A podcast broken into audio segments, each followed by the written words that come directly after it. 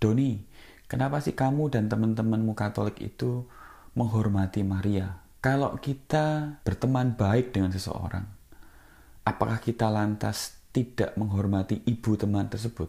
Nah, itu baru teman. Apalagi dengan Yesus. Tuhan kita sendiri.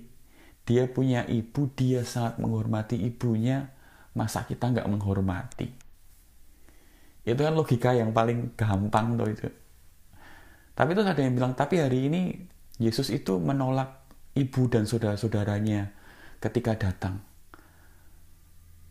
Betul, tetapi konteks yang saya lihat adalah karena Yesus ingin memberikan ruang, memberikan peluang kepada setiap orang bahwa kalian pun juga bisa menjadi saudara-saudaraku, juga bisa menjadi ibuku kalau kalian menjalankan kehendak Bapa. Yang menarik adalah apakah Maria menjalankan kehendak Bapa?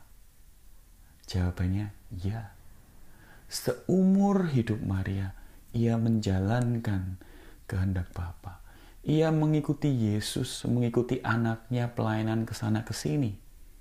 Bahkan ketika para murid kecuali Yohanes dan Maria Magdalena melarikan diri saat Yesus ditangkap dan disalib, Bunda Maria ada di bawah salib Yesus. Dia sendiri yang kemudian merengkuh jasad Yesus, merawatnya, dan memakamkannya.